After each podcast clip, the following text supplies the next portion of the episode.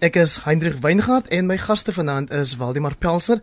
Hy is die redakteur van die Sondagblad rapport en hy sit daarbo in die SAIK se Auckland Park ateljee in Johannesburg genaamd Waldemar. Nou Hendrik, nou luisteraars.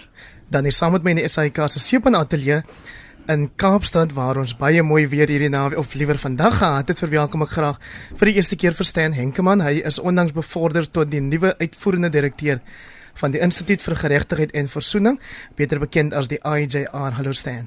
Hallo Hendrik en hallo aan die luisteraars. En dan laastens ook hier saam met ons in die Seepon Atelier iemand wat weinig bekendstelling nodig het, Dr. Bram Hannekom, hy is deesdae hoof van die Sentrum vir Publieke Getuienis na in Bram. Goeienaand Hendrik, goeienaand luisteraars. Nou kollega, ons eerste storie vir bespreking vanaand is die vonnisoplegging van die Paralimpiese ster Oscar Pistorius die afgelope week. Hy is tot 6 jaar gevangenisstraf gevonnis vir die moord op sy vriendin Riva Steenkamp. Waldemar Pelser, Marie van Deventer skryf op my Facebook bladsy vanaand dat sy reken ons nie hierdie storie hoef te bespreek nie en eerder moet kyk na 'n kwessie so staatsinstellings wat biljoene rande se lenings wil aangaan. Wat is jou mening? Heinrich ons sal kom by die staatsinstellings beslis. Maar die die besluit van regter Masipa om vir Oscar 'n vonnis op te lê wat deur baie mense as lig beskou is, het tog die die verbeelding van baie mense aangegryp. Ehm um, ek glo dat toe sy uh, aanvanklike skuldbevinding op strafbare manslag omgekeer is na moord, het baie mense verwag dat hy die tipe vonnis sal uitdien wat mense gewoonlik uh, assosieer met een van die ergste misdade. En ons het vandag ehm um, in 'n rapport net so 'n vergelyking gemaak van verskillende vonnisse vir verskillende gevalle en mense moet dit natuurlik nie doen nie. Die regslei waarsku daarteen. Maar mense sien gevalle waar uh, jy weet boewe Radovan Kretschmer in so 'n 35 jaar tronkstraf kry sonder dat hy enigiemand fisiese leed aangedoen het. En Oscar sit ehm um, vir vir 6 jaar en dit lyk vir ons regsopinies uh, verskil hieroor of hy oor so min as 18 maande reeds in aanmerking sal kan kom vir parol indien die vertolking wat die boetoon voer is dat hy 21 maande van sy vonnis reeds uitgedien het. Ehm um, en daar is inderdaad uh, gesaghebende uh, uh, regsopinie wat daarop dui dat so 'n vertolking um, begrond is. So ek dink dat mense se woede hieroor moet aangehoor word. Dit is belangrik dat die prosesse wat lei tot vonnisoplegging deur die publiek gerespekteer word en mense moet verstaan as so vonnis opgelê word, hoekom hy net 6 jaar kry. Bram Hanekom, dink jy ook soos baie ander mense dat 6 jaar daarom net 'n te ligte straf is? Johan Ries duidelik twee kante aan hierdie saak. Die een is 'n baie diep emosionele kant. En en dit lê op 'n spektrum. Ek wil ouers van 'n dogter soos Riva sou kon sê, maar is 50 jaar. Ek wil kan dit hoe kan jy hoe kan jy ooit uh, so iets regstel met enige vonnis van enige aard? Aan die ander kant uh, het ons ook nuusberichte die week gesien van gestremde mense wat sê moenie omdat iemand gestremd is iemand abnormaal behandel nie. Ons is normale mense. Uh, jy weet so die emosies speel die hele tyd 'n rol Maar dit is so in aan die ander kant is daar daar's regspraak. Uh, ons het 'n eeuoue regsbedeling wat wat ons het 'n uh, gemeene reg, ons het vasgevang in wetgewing, daar's vorige uh, sake soos Waldemar sê waarna verwys kan word inderdaad. En dan sit jy met 'n regter wat 'n wat 'n uitspraak moet lewer. Ehm um, die die die vraag is gaan die nasionale vervolgingsgesag weer appeleer? My my my ehm uh, uh, eie gevoel is dat die saak het eintlik 'n emosionele versadigingspunt bereik en en uh jy weet dat dat mense sê joh dit, dit dit voel nie reg nie en dit is 'n goeie reg om so te voel. Uh maar dat is ook so die reg het gespreek. Uh en en daar word inderdaad wil ek tog aanvaar gekyk na bepaalde regsgrondige uitgangspunte. En uh dat dit vir my lyk dat ons nou is waar ons is. Uh, hoe hoe hartseer dit ook al is, uh, geen emosie uh gaan ook vir Riva uh, terugbring nie. Sten Henkemann, daar is natuurlik die hele debat tussen tot hoe mate regter Tokozile Masipa die openbare mening in ag moes neem of nie geneem het nie. Sy het dit baie duidelik gemaak dat sy ehm um, kennis neem daarvan maar haar nie noodwendig daardeur gaan lei nie. Ek dink dit lei ons wel na 'n kwessie wat in Engels genoem word restorative justice of as 'n mens dit wil vertaal seker herstellende geregtigheid. Ja, uh, herstellende geregtigheid is 'n is 'n goeie beginpunt hier om te sê dat iemand het het iets verkeerd gedoen. Hy het hy het om verskoning gevra. 'n uh, Bietjie laat, myns insiens, maar maar het wel om verskoning gevra.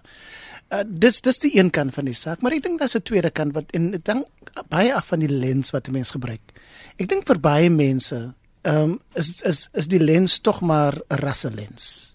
En ehm um, daar's baie mense wat sê, maar daar is ander wat wat vir baie ligter goed ehm um, baie swaarder vonnisse kry. Nou, jy kan nie vergelyk nie want want dis verskillende regters, die die die sake is verskillend en en en, en ek dink 'n mens moet maar uh, uh, luister na almal, maar aan die einde van die dag uh, stem ek saam met Bram dat dat die ding het sy pad geloop. Ehm um, en en hoe gouer ons ehm um, rus kry hieroor, hoe beter. Ehm um, die vonnis is nou ge, ge, gevel en ehm um, niemand gaan ooit as hy 15 jaar gekry het sodat ook mense gewees het wat gesê dis dis dis te erg. So ek dink op hierdie stadium ter wille van ehm um, Oscar ter wille van ons samelewing uh kom ons kom ons los die saak waar dit is. Ehm um, en en as die as daar 'n appel aangeteken word dan dan moet die saak maar verder gaan. Maar dis verkosting van tyd. Ehm um, dit is verkosting van energie en dit hou ons besig met goed wat in die groter sin van van ons samelewing nie so belangrik is nie. Waldemar Pelser moet ons aanbeweeg, moet ons hierdie saak los waar dit nou is soos wat Stan Henkemann en Bram Hanne kom voorstel of moet ons sê nee, maar daar is kwessies wat nog steeds oorgepraat word, oorgedebatteer word, soos of bekende persoonlikhede dalk 'n beter ehm um, kan staan om ligter strawwe te kry en daar is ook 'n kwessie, ehm um, Suid-Afrika nou wel 'n land waar ons baie keer baie maklik na velkleur verwys, maar daar's ook die kwessie oor sogenaamde wit bevoordiging wat hier ter sprake gekom het. Heinrich wat baie duidelik is is dat ehm um, net iemand met Oscar se uh, roem en toegang tot geld en sy oom Arnold bly in 'n baie baie groot uh, opgeknapte ou ou pastorie daar in Pretoria. Dis 'n dis 'n mansions wat die Engelse sal sê. Net mense met toegang tot geld en met roem kry vinnig ehm, 'n um, hofdatum. Ehm um, en kan die beste advokate bekostig. En dit is 'n probleem wat dit in almal van ons se belang is om oor na te dink en iets aan te doen. Uh want dit beteken letterlik dat daar skuldige rykes op straat is en onskuldige armes in die tronk. Pramanikom, ja. Ja. Ek dink is 'n is 'n baie geldige punt wat uh, wat Waldemar maak. Uh advokaat Paul Hofman het, het gesê dit is skokkend onvanpas die vonnis. Llewellyn Koloos het gesê uh, regter Masiwa het hom jammer gekry. Ek wil dis duidelik dat daar ook in die regspraak op hierdie stadium 'n verdeeldheid is. Ehm uh, so op geen manier dink ek moet ons vir mekaar sê en ek dink is ook nie wat Stan probeer sê is om te sê kom ons maak net die boeke vinnig toe en gaan aan nie. Ek ek vra net in myself die vraag af of daar nie inderdaad 'n emosionele versadigingspunt bereik is nie. Uh daar is gewellige trauma ook in hierdie saak uh vir baie mense uh, nie net vir vir Oscar nie. Uh en en ehm um, ja, dit, dit is dis maar die vraag wat hang. Ek is bly dat ek nie daai besluit hoef te neem nie. Maar dan Brahman kom ook die mooi storie van hierdie vir ehm um, vriendskap wat ontstaan het tussen uh, Jackie Mofokeng, ANC vrouelike veteran en John Steenkamp, die ma van Riva Steenkamp. Inderdaad. In in in inderdaad dit is 'n dit is 'n mooi storie wat maar net weer vir jou sê die die saak het geweldige emosie losgemaak, 'n geweldige trauma losgemaak. Uh, ek verstaan hoekom dit soveel aandag geniet het. Uh, dit was goed en reg so. Uh, kom ons kyk wat gebeur hier vanaand vorentoe. Sien Enkelman en dan is daar nog laastens die kwessie van rehabilitasie in Waldemar se koerant rapport sê die kriminoloog professor Annie of Annie Hesselink van Unisa vir Oscar om ten volle te rehabiliteer, moet hy sy aggressie, sy woede en sy sin vir eie geregtigheid in die tronk aanpak. En ek hoop dat, dat dit gaan gebeur. Ehm um, korrektiewe dienste ehm um, roem daarop dat hulle hulle uh, program vir rehabilitasie sterker en sterker word en ek hoop regtig waar dat hulle gee vir hom die geleentheid om om deur hierdie uh, issues te werk want want daar is baie aggressie. Ehm um, en en uh, maar ek persoonlik dink ek net dat ons land het groter issues om om mee te, om om om te, om aan te spreek. En ons kan nie bekostig om vir jare oor een saak onsself besig te hou nie. Die horlosie staan nou op 9 minute oor 8 en jy luister na kommentaar hier op RSG 100 tot 104 FM saam met my Hendrik Weingart en my gaste vanaand rapportredakteur Waldemar Pelser, Bram Hanekom wat die hoof is van die Sentrum vir Publieke Getuienis en Steen Henkemann wat die uitvoerende direkteur is van die Instituut vir Geregtigheid en Versoening. Steen, jou instituut werk in verskillende dele van Afrika en ek is seker julle het die afgelope week se verwikkeling in Zimbabwe met groot belangstelling gevolg. Wat is daar aan die gebeur? Ja, Heinrich, dis 'n interessante uh, uh, verwikkeling in Zimbabwe. Dit is dis nogal redelik uniek vir Zimbabwe. Ehm um, Zimbabwe het nie 'n rekord vir vir ehm um, van openbare ehm um, optrede en opstand nie. En en hierdie een is uniek in die sin dat ehm um, dit dit is nie gelei deur die politici of selfs deur vakbonde nie. Dis deur gewone mense gelei. Onder andere was daar 'n uh, predikant wat wat aan die hoof van hierdie hierdie uh, sosiale uh, movement uh, staan.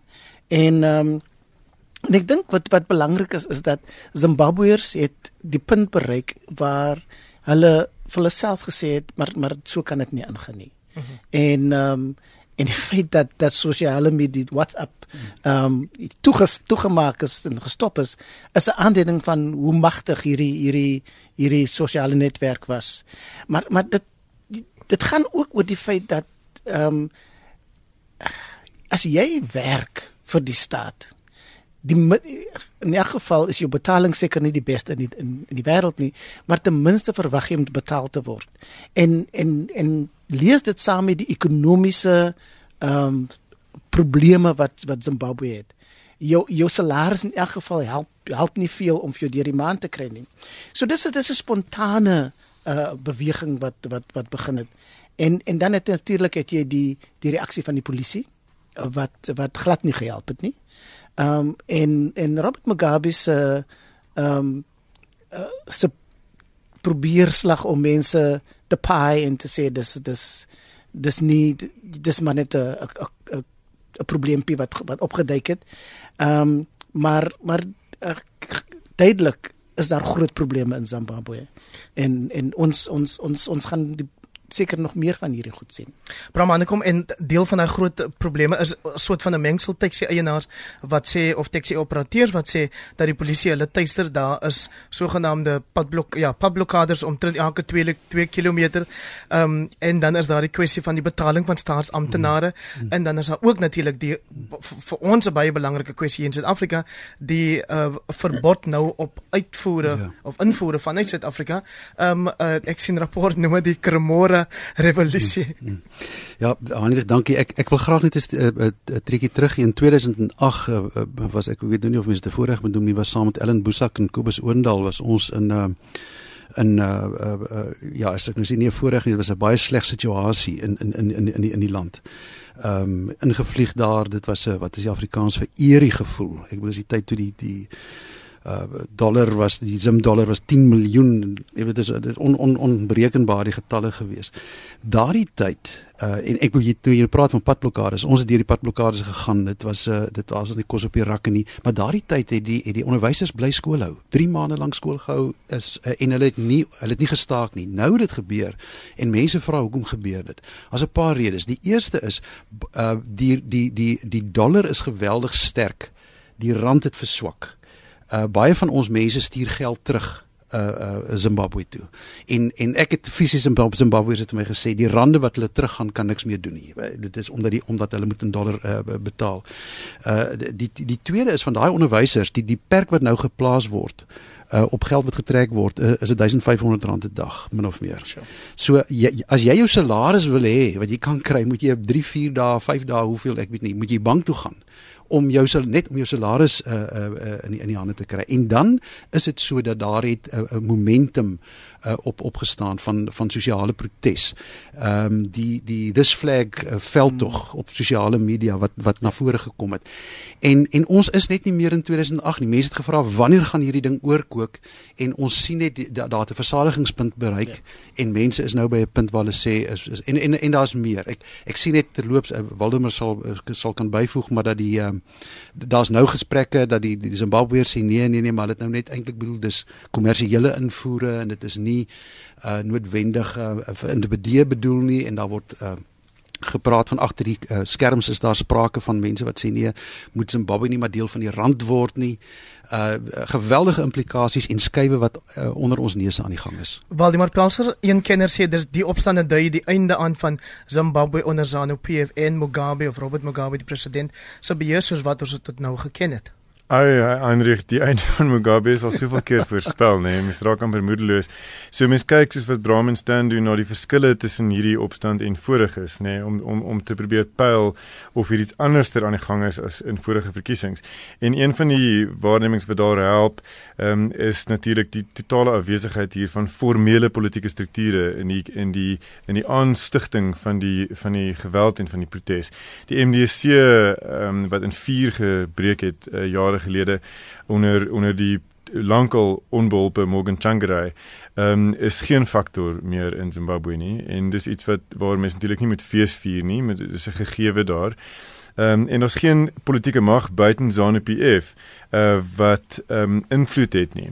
Ehm um, so hierdie het gebeur uh, soos wat ons nou gehoor het uh, amper spontaan en is gekataliseer deur sosiale media. En dis die eerste keer in Zimbabwe wat sosiale media 'n platform word waar mense wat ons almal reken van alle politieke agtergronde afkom sê hierdie het nou te ver gegaan want ons vermoë om in hierdie krisistyd 'n lewe te maak. Ons vermoë om kos op die tafel te sit, om te smous met klein goedertjies wat ons in Suid-Afrika uitkoop of dit nou ehm um, lyfroom of cremora is, uh word ehm um, van ons weggeneem en dan word dit 'n kwessie van van lewe en dood. So dit is een gegewe wat ek dink anders is die afwesigheid van formele politieke strukture en dan net baie baie vinnig stel net verwys na die betaling van staatsamptenare. Dit is 'n verskriklike belangrike ding om dop te hou. Ehm um, daar's verwys na onderwysers wat voorheen aangehou het met skool gee. Maar die vraag is of die polisie en weermag uh, se salarisse betyds betaal gaan word om hulle loyaliteit te koop. Want ek dink nie, jy weet, in die in die rent is die meeste Zimbabweërs vreeslik lief vir Robert Mugabe nie, maar jy jy dien maar ehm um, jy weet die uh, die persoon wat jou in staat sal om om te, om te lewe, nee, om 'n lewe te maak. En uh, die oomblik uh wat die polisie en weermag se salarisse nie betaal word nie, dan kan ons kyk na 'n swaai in loyaliteit in die gewapende magte. En die vraag is wie gaan hulle steun? En en en daar wys die wys wys alle aanduiers wys in die rigting van weet dit sal binne ZANU-PF moet wees. Ehm um, die volgende president gaan waarskynlik nie buite ZANU-PF vandaan kom nie, maar hou die polisie dop. Brahmane kom te doen mate dink jy behoort Suid-Afrika betrokke te wees. Ons is nog nie ekonome nie, maar dit is tog belangrik dat jy kyk na hoe wat gebeur in Zimbabwe veral die noordelike provinsies se ekonomie ehm um, affekteer. Wel Heinrich uh, die oor my eie oortuiging was baie lank al dat Suid-Afrika meer betrokke moes wees in in ag ek wil nou nie almekaar oor 2008 praat nie maar ons het na daardie besoek gegaan en ons het 'n 600 bladsye dokument opgestel wat op die einde na die VN toe gestuur is uh baie diep oortuigings dat daardie verkiesings was uh jy weet was was nie geldig nie. Slegte goed wat gebeur het en en, en mense voel net ek wil Suid-Afrika is so verweef met Zimbabwe en so baie van die mense. Ek wil dit is uh ek kan nie sien hoe Suid-Afrika nie betrokke kan wees nie. Maar as ek net een ander vergelyking kan tref uh, mense praat baie maak die vergelyking tussen Zimbabwe en Suid-Afrika. En die media was nou baie uh, weet in die nuus en die vryheid van die media Jy weet in in in daai tyd het daar letterlik uh uh joernaliste verdwyn, hulle liggame is gekry. Jy weet uh, joernaliste is letterlik vermoor, nie nie, nie van die lug af gehaal nie. Dis van die goed wat gebeur het hier in ons buurstaat. Nou die sosiale media as die laaste tyd is is is toegemaak daar. So die die die verskil tussen Suid-Afrika en in in in Zimbabwe dink ek is ons het 'n vrye regbank uh, die polisie glo ek wil ek glo funksioneer onafhanklik en ons het 'n vrye media en 'n pers wat ons absoluut moet verdedig. In Zimbabwe was is was dit nie daar nie en ons sukkel nog steeds om dit te sien. En dis die groot verskil as mense sê ons is op pad na Suid-Afrika in in Suid-Afrika na Zimbabwe kyk net na daai drie dinge en en beskerm dit dit is vir ons geweldig belangrik. Ek ek dink dat ehm um, ek het my uh, my bedenkinge oor Suid-Afrika se betrokkeheid Ehm um, so ek ek sê ja, maar as ons nie dieselfde fout maak wat oud president Mbeki gemaak het nie. Die rede hoekom Zimbabwe is wat hy is is omdat hy ondersteun Mugabe was ondersteun deur Afrika leiers onder andere Mbeki. Ehm um, as dit nie regkom nie dan dan dan sien ek nie hoekom Suid-Afrika moet moet betrokke raak nie. Nou die Sondagblad rapport lewer vandag kommentaar Stan en Bram en Waldemar dit sê Zimbabwe is vir ons in Suid-Afrika 'n waarskuwing dat ons nie moet wag totdat alles vernietig is voordat ons opstaan teen dit wat moreel bedenklik is nie. Nou Brahman, kom jy het verwys na Suid-Afrika en Zimbabwe wat verweef is met mekaar, maar luister verder na hierdie kommentaar. Ehm um, die gebeure daar in Zimbabwe is vir elke Suid-Afrikaner 'n waarskuwing. Besef of beveg elke wegkalwing van jou demokratiese regte met soveel durf as wat jy vir jou reg op die lewe self sou veg. Beskou elke aanslag op jou of jou naaste se vryheid as 'n totale aanslag. Duld geen enkele vergryp deur jou regerders nie, want voor jy jou oë uitvee, is daar geen omkeer meer nie. Werklik, Waldemar Pelser? Hendrik, die vraag is, jy weet, wanneer is wanneer noem mens iets 'n krisis, reg? Ehm um, in in Zimbabwe en dit sê ons ook in daai kommentaar uh ons situasie verskil gelukkig baie van hulle sin onder andere omdat ons oor die laaste 22 jaar ehm um, baie hard gewerk het om demokratiese instellings te bou. Maar elke keer wat demokratiese instellings se bevoegdheid uitgehol word, elke keer uh, wat party apparatchiks aangestel word in sleutelposisies uh, wat eintlik bedoel is om die grondwet te beskerm. Um elke keer wat uh, hofuitsprake geïgnoreer word deur die regering, dan dit gaan nie daaroor of mense in die rigting van Zimbabwe beweeg of nie nie. Dit gaan daaroor of die demokratiese ruimte krimp of groei. En dis in elke Suid-Afrikaner se belang om te veg vir 'n demokratiese ruimte en vryhede wat groei, wat nie krimp nie. En um, in Zimbabwe natuurlik eh, het die vergrype begin in 1980. Uh dit het begin in 1983 met die Gukurahundi Matabeleland uh hmm. slagtings waar ja. 20000 Matabele wat uh, simpatiek was teenoor ZAPU, uh, ZANU, uh, Mugabe se ZANU se aardsvyand um, om die lewe gebring is deur 'n brigade wat in Noord-Korea opgelei is. En die vraag is wat het Zimbabweërs toegedoen om op te staan teen 'n regering wat inherënt boos was? Ehm um, of mens kan ook sê elke regering wat verdien om teengestaan te word is nie inherënt boos nie, want selfs jy weet almal almal doen dinge wat ehm um, uh wat kritiek verdien. En ons punt daar vandag was dat wanneer jy sien dat die vryhede wat wat 'n uh, dier dier verworwe vryhede, vryhede waarvoor geveg is in hierdie land, bedreig word, moet jy daarvoor veg asof alles op die spel is. Nou kollegas van Zimbabwe na die voormalige uh, regerders van Zimbabwe toe dit nog as Rhodesia bekend gestel is, die is natuurlik Brittanje en die afgelope week in die nuus ook het ons gesien hoe dat Tony Blair, die voormalige Britse premier, 'n apologie aanteken vir die foute in aanhalingsteken met die 2003 inval in Irak. Die besluit is gemotiveer as ek die woorde kan leen daar by Waldemar deur wat Amerika en Brittanje toe beskou het as moreel bedenklike optrede deur die destydse leier van Irak Saddam Hussein en die afgelope week um, is Tony Blair opnuut verguis oor daai besluit om oorlog te gaan maak. Bram Hanekom Tony Blair het duidelik gestel ja. dat hy nie verskoning vra vir die besluit om Irak in te val of om van Saddam Hussein ontslae te raak nie. Ja, hierdie ding kom nou op die rug van die verslag wat eintlik uh, 5 jaar laat is van Sir John Chilcott uh wat moes 'n verslag doen oor die gebeure daar. Ehm um, in die media ek sien sommer net uh, die van die Britse media sê maar die die die verslag het 10 miljoen pond gekos en van hierdie uh, taakspanne 200 000 pond per jaar gekry en daar's 'n hele uh, gedoente aan die gang uh, aan die een kant oor jy weet wat die wel amper sê die verslag wil bedenklik maak maar aan die ander kant is dit so dat daar bepaalde inligting op die tafel gekom wat nie goed lyk nie en en Tony Blair het bepaalde uitsprake gemaak. Hoekom doen hy dit?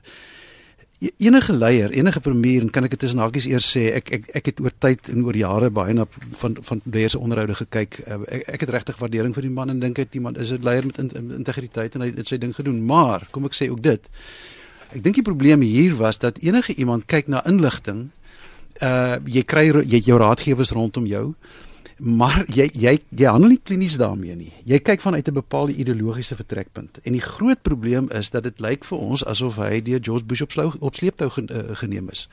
Nou uh, so, sommer net in daardie tyd kan ek miskien net sê is is oor die uitsprake wat oor oor oor Bush gemaak is uh, uh, ek het nou die dag met iemand gepraat wat uh, vir 4 jaar lank uh, eintlik vir vier Amerikaanse presidente persoonlike raadgewer was.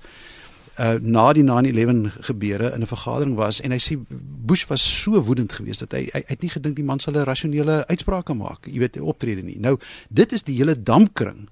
Uh, ek wil amper sê ideologiese dampkring waar binne jy nou rasionele oordeele moet vel en dan kan 'n mens foute maak en dit lyk vir my inderdaad hier is uh dat dit gebeur het. Mense mense is ook nie seker al die inligting hoe die inligting inligting gev uh, gefilter is nie. Ehm um, uh uh dis hierdie dis hierdie ou stryd tussen hoe lê jy die waarheid op die tafel deur klinies na die feite te kyk uh en regtig jou goeie oordeel te gebruik en nie toe te laat dat jou eie persoonlike voorkeure en ideologiese vertrekpunte so impakteer daarop dat jy op die ou end gruwelooslike foute maak en en in hierdie geval wat sleg is mense se lewens kos nie. Waldemar Pelser, dit was duidelik dat hierdie ou wat Bram Hanne kom dink nou nogal 'n ou met veel ehm um, of genoeg ehm um, integriteit is dat hy 'n punt daarvan gemaak het om baie uh jy weet uh, om baie simpatie te wys en en om om soort van ja spyt te wys oor oor dit wat gebeur het terwyl hy die die media vir omtrent 2 ure toegespreek is maar terwyl hy nog besig was om te praat is hy reeds beskuldig daarvan dat hy die oorsaak was dat 'n klomp Britse soldate onnodig gesterf het en dat hy deel is van die oorsaak waarom 'n klomp Irakese steeds aanhou ly terwyl die ontslaa raak van Saddam Hussein hulle eintlik moes bevry. Uh, Heinrich, tot 10 miljoen mense is ehm um, uh, is uh, displaced en is nie, woon nie meer waar hulle gewoon het destyds voor die oorlog nie. Ehm um, 600 000 is is dood. Ehm um, Blair en Bush ehm um, het uh, sê die sê die kritisie en ek dink dis heeltemal reg. Ehm um, versuim om die onderskeid te tref tussen die dreigement van Islam islamistiese fundamentalisme aan die een kant en sekulêre Baathisme aan die ander kant nou die Baathist party was mos Saddam se party reg en hulle was ja. sekulêre mense was hulle het baie slegte dinge gedoen maar hulle was nie fundamentalisties nie en uh, in 'n poging om 'n uh, uh, fundamentalistiese islamitiese uh, vlieg uh, dood te slaan of nie vlieg nie maar jy weet dreigement te neutraliseer uh, gevaar te neutraliseer het hulle die verkeerde instrument gebruik en die verkeerde teiken getref En wat dit gedoen het en daar was waarskuwings aan Blair deur sy eie intelligensiedienste in 2002 September voor hy daai do, dossier of death jy het bekend gemaak het. Daar was waarskuwings in sy eie kringe. Ehm um, oor wat kan gebeur indien hierdie tiran wat minstens die land bymekaar hou indien hy ontset sou word. Wat kan gebeur? Wat het die bemagte gaan losgelaat word daardeur en hy het dit geïgnoreer. Hy het ook in 'n private notaatjie aan George Bush uh, wat nie gesien is deur sy nouste raadgewers nie gesê I'll be I'll be with you whatever. whatever yeah. You know?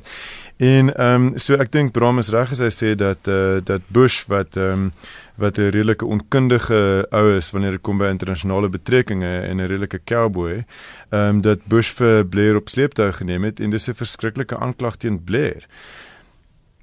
Maar wat nou gebeur steen Henkeman is dat daar mense is wat daarop aandring dat sowel Tony Blair as George Bush vir of van oorlogsmisdade aangekla moet word. Absoluut en dit is dit is die groot um, uitdaging vir die ICC.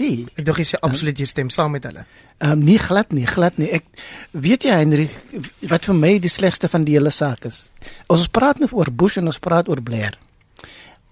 Die duisende mense wat dood is en die honderdduisende miljoene mense wat wat nie meer woon waar hulle gewoon het nie. Ehm um, my my kollega ehm um, Fanny uh, de Toy werk tans in Irak en is besig met 'n versoeningsproses hè daar. En weet jy dit is so verskriklik dat jy is nie veilig nie. Niemand is veilig nie. Uh, enige enige tyd kan jy 'n bom ehm um, kan 'n bom uh, val. En en ehm um, dis my probleem Heinrich is net eenvoudig dit. Niemand praat oor daai mense nie. En en en dit is die gevolg van hierdie hierdie uh leiers se se besluite en en ongelukkig is daar soveel mense wat ly. En dit is my probleem met politici. Is dat hulle neem hierdie wonderlike magtige besluite en en dan dan ly so baie mense daaronder. Ehm um, en en en ek dink dat dat hulle moet absoluut aangekla word. Pramaniko. As ek net een klein opmerking, een lesie dink ek wat wat geleer moet word uit hierdie hele saga is. Dis ongelooflik maklik vir groot militêre mag om in te gaan en 'n situasie te gaan destabiliseer, om goed uitmekaar uit te haal. Maar om agterna die goed weer aan mekaar te sit, is net nie so eenvoudig nie. Ons het dit ag in Afrika het ons dit gesien. Ons het dit in Mosambiek gesien. Ons het dit in Angola gesien. Ons het jy die lysie gaan net aan en aan en aan en in in die Midde-Ooste is 'n klassieke geval daarvan. Baie maklik om dit te destabiliseer veral as jy groot militêre mag in jou hand het, maar nie met daai selfde militêre mag noodwendig sit jy dit weer aan mekaar nie. Nou ja, is 'n luisteraar wat per e-pos reageer op ons vroeëre bespreking van die Oscar Pistorius saak. Uh, sy sê die ANC vroue liggaam maak baie lawaai in verband met die Oscar Pistorius saak. Maar ek hoor of sien egter glad nie dat hulle dieselfde doen met swart vrouens wat wreed vermoor word nie. En dan Waldemar Pelser sal jy bly wees om te hoor dat daar 'n uh, luisteraar op Twitter is Tolo Hatem wat sê hy stem saam met jou die issue soos hy dit stel met nou weer ander mense se so toegang tot reg. Nou ons het nog so 10 minute oor kollegas en nog 'n storie wat natuurlik opslag gemaak het is die bloedvergieting hierdie keer nie in Irak nie maar in Amerika self. Dit eerstens deur twee swart mans wat deur die polisie aangekeer is, skynbaar vir uh, jy weet redes wat uh, verdergaande is dink ek in enige regdenkende mense se oordeel en dan wat daar opgevolg het natuurlik die skietery in Dallas uh, waar vyf polisielede gesterf het en iets so sewe nog ook um, ernstig gewond is.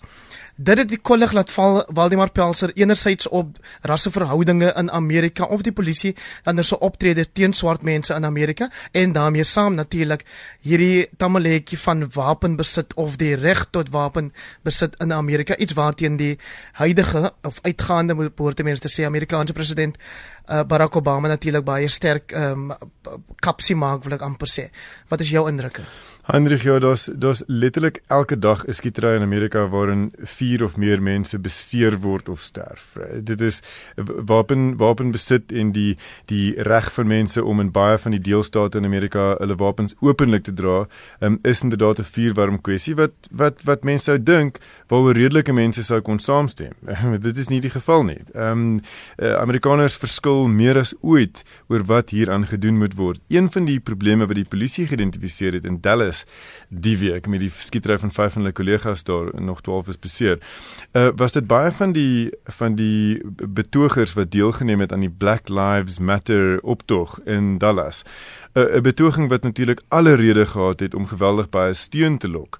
Ehm um, na die soveelste onbesonde ehm um, en en die, alles dui erop uh jy weet rasgedrewe uh moord uh op um, op op 'n swart Amerikaner. Die optog het rede gehad om plaas te vind, maar baie van die mense daar het uh, het ook wapens gedra. En toe die skote begin klap, en dit was natuurlik net een skieter toe sien die polisie skielik net mense met wapens om. Hulle toe dink hulle wel ons moet nou al hierdie mense ehm um, plattrek en ons moet hulle invat selle toe en ons moet hulle ondervra want ons weet nie wie geskiet het nie. Want ja. elke tweede mens dra 'n wapen. Ehm um, en dit is beslis nie net iets wat gebeur wanneer meerendeels swart uh, skare bymekaar kom nie. Inteendeel, dit is 'n uh, Amerikaanse verskynsel in baie van die state. So dis een probleem. Maar die ander net is en en hier op die New York Times vandag gewys is die skrikkelike tragiek daarvan dat 'n beweging wat verdien om gehoor te word omdat daar 'n regte probleem hier is um, met hoe sekere polisielede swart Amerikaners benader en hanteer. 'n Probleem wat regtig aangehoor moet word is nou op die agtergrond geskuif omdat ehm, 'n um, eks, ekstremis um, en 'n rasis en 'n hatige ou ehm um, hierdie moorde gepleeg het. En dit het 'n verskriklike polariserende uitwerking op gewone Amerikaners. Ehm um, en daar's mense wat bekommerd is hier uh oor die hulle sê the fabric of society. Nee, hoe kom mense in Amerika met mekaar oor die weg en hoe heel jy hierdie tipe wonde? Daar is vir my kollegas met meer gesag kan praat. Ehm um, wat week na week oopgekrap word. Bram, hulle kom uh, dan in die koerant wat uh waarvan Waldemar Pelser die redakteur is en ek hoop jy klink of ek nou omtrent sy sy beelblaasie vanaand, want in elk geval Spekte Brooks wat 'n uh, Amerikaner is, uh, lewer kommentaar in die in rapport vandag en hy sê die militarisering van die polisie mag is in Amerika is 'n bydraende faktor. En hier kom Irak ook ter sprake? Nee? Hy sê baie van hierdie polisielede het militêre opleiding en het in Irak en Af Afghanistan diens gedoen. Belangrik in, inderdaad is dit 'n vraag wat swaar in die lug hang. Maar ek dink op die ouend is daar ook twee ander groot uh, komponente en die die een is aan die een kant die vraag is hoe sterk leef die rassevirus in in in Amerika. President Obama het uh, nou 'n verklaring uitgereik gesê nee, dis 'n klein minderheid, dit is nie so erg nie. Die vraag is hoe hierdie ding kom nie van gister af nie. Ons weet in 1992 met die Rodney King gebeur in Atlanta wat dit uitgebars het en alles wat daarmee saamgegaan het en sporadies gebeur hierdie ding. Ek bedoel die ander kant is presies wat uh, Waldemar Waldemar na verwys verwys het is die geweldige hoeveelheid wapens in in uh, in Amerika in 1995 Onthou ek was ek in Atlanta gewees met 'n maatskaplike werker gepraat. Het sy vir my gesê dat een uit elke 5 kinders met 'n vuurwapen skool toe gaan. In sekere van die dele in Atlanta. Dit is dis verskriklik. So president Obama probeer sy sy bes, maar hy lyk vir my redelik vuisvoos en moedeloos rondom die saak want hy word geblokkeer in die Senaat. En uh, en hierdie ding is is is is uh, is is werklik uh, op op die oomblik op die tafel en en en ek, ek weet nie waarheen waarheen dit gaan nie. Ehm um, uh, ek ek dink die Amerikaners het groter probleme as wat hulle wil erken. Interessant is alweer ek sien op Twitter 'n Britse vrou skryf 6 years for Pistorius who shot and killed his girlfriend and death for a man selling CDs. White privilege is real and it's sad. En dit is natuurlik 'n aanleiding van een van hierdie slagoffers van uh, die polisie se se skietery en dit is 'n uh, persoon wat voor 'n winkel CDs verkoop het. Maar kan ek vir jou vra Stan Henkemann oor 'n uh, Zapiro spotprint in die Sunday Times vandag. Hy teken die menseregte leier Dr. Martin Luther King Jr. bekend natuurlik vir sy I have a dream uh, toespraak en hy verander dan die woorde na I had a dream en dan wys hy 'n begrafplaas met grafte van swart mense wat geskiet word vir verkeersoortredings, vir swart wees, vir asemhaal. Heinrich wat hier in in VS op die oomblik VS op die oomblik gebeur is is aanduiding van iets wat baie baie lank kan kom. En en en Bram het nog pas pasverwys na 1992. Ehm um, maar maar elke keer sien jy hierdie hierdie uh ontlonding. Ehm um, en is dis kleinskaal en wat vir Amerika red op hierdie oomblik is die feit dat swart mense in die minderheid is. Ehm um, maar daar's geen twyfel oor die feit dat swart mense in Amerika sê ons het genoeg gehad. Ons ons ons is ons het genoeg gehad van die feit dat ons nie meer dat ons nie tel nie dat ons dat, dat ons menswese nie erken word deur veral deur die polisie nie. En dit is interessant dat die die die skieter ehm um, was ook in die weermag. Ja. Hy was ook in Afghanistan. Ja. Ja, Waldemar Pjansen, jy het nou net verwys na president Barack Obama wat ehm um, hierdie uh, rasse geweld onder of wat as 'n spanning on, amper onderspeel, maar dit is seker so dat dit nou lyk asof deel van sy nalatenskap of deel van sy erfenis ehm um, blyk te wees dat hierdie gevalle so erg was in hierdie in hierdie twee termyne van Amerika se eerste swart president. Ja, dit is uh dis tragies Andre. Uh, dit ja. Maar die vraag is wat is die wat is die redes daarvoor en hoeveel daarvan kan mens vir Obama se deur lê nê en vir die deur van die demokratiese party? As mens glo die oorsaak hiervan is wapenbeheer uh dan moet mens die vinger wys na die republikeine en nie na die demokrate nie want daar's baie meer ondersteuning binne Obama se party vir strenger wapenbeheer okay so dan af hoe mens die probleem diagnoseer. Ja. as mens aan die ander kant glo dat die probleem hier 'n sistematiese ondermyning van swart mense se regte deur die polisie mag is. Ehm um, dan is dit moeilik om te glo daar's 'n jy weet 'n kausale verband tussen uh, Obama presidentsie en die minagting van die regte van swart mense. Ek bedoel dis teenintuïtief. Uh, so ja. Kom ek vra jou en my ander twee paneellede om kortliks asseblief vir my te reageer op die kwessie natuurlik dat Suid-Afrika se groot versoener Nelson Mandela, ehm um, of dan die gebruik van sy stem in 'n DA verkiesings advertensie vir die 3 Augustus plaaslike verkiesings hierdie week in Suid-Afrika opspraak gemaak het. Die vraag wat gevra word is aan wie behoort Madiba? Aan sy familie, aan die ANC of aan ons almal? Kortliks. Waldemar, Bram en dan Stan. Hendrik kortliks, ek dink dit is absoluut geen probleem daarmee nie. Die ANC het ook uh, die afgelope week probeer om Musi my man se pa te kry om vir die uh, vir die ANC te stem. So regtig, uh, jy weet Mandela was die was die eerste demokratiese president van die land. Die ANC natuurlik uh, was hy sy lewe lank 'n ANC lid, maar hy was ook nie sonder sy kritiek teenoor die ANC nie. Ja, Bram. Kat in die hoenderhok jaag hier tot in die einde. Ek het die laaste tyd met hoeveel swart mense gepraat wat gesê het, maar maar wie's Madiba? Ek wil ons ons uh, hy het ons uitverkoop. Ek wil ons wil hom nie hê nie uh hy te vinnig onderhandel, hy te veel versoen. So daar's daar's 'n ironiese ander kant aan hierdie aan hierdie saak wat jy letterlik op die strate hoor. So uh ja, nee, maar dit is dis silly season, dis verkiesingstyd, daar sal baie dinge gesê word. Staan. Twee dinge, ek stem saam dat Mandela behoort aan Suid-Afrika, maar ek dink um vir 'n politieke party om om sy stem te gebruik is is is bietjie bietjie problematies vir my. Um as as 'n as 'n politieke party is wat dit kan doen dan moet dit die ANC wees. Nou so het ons aan die einde gekom ongelukkig van vanaand se uitsending van kommentaar. Baie dankie dat jy ingeskakel het en dankie ook aan my paneel. Die laaste persoon wat gepraat het is Stan Henkemann. Hy's uh, die uitvoerende direkteur van die Instituut vir Geregtigheid en Versoening. Saam met hom op die paneel vanaand Waldemar Pelser, hy's die redakteur van Rapport en hy's ook 'n aanbieder op Kyknet uh, of bekend as 'n aanbieder op Kyknet en dan het ons vir Dr. Bram Hannekom wat die hoof is van die Sentrum vir Publieke Getuienis hier saam met ons gehad van my Hendrik Weingart. Voorspoed tot volgende keer.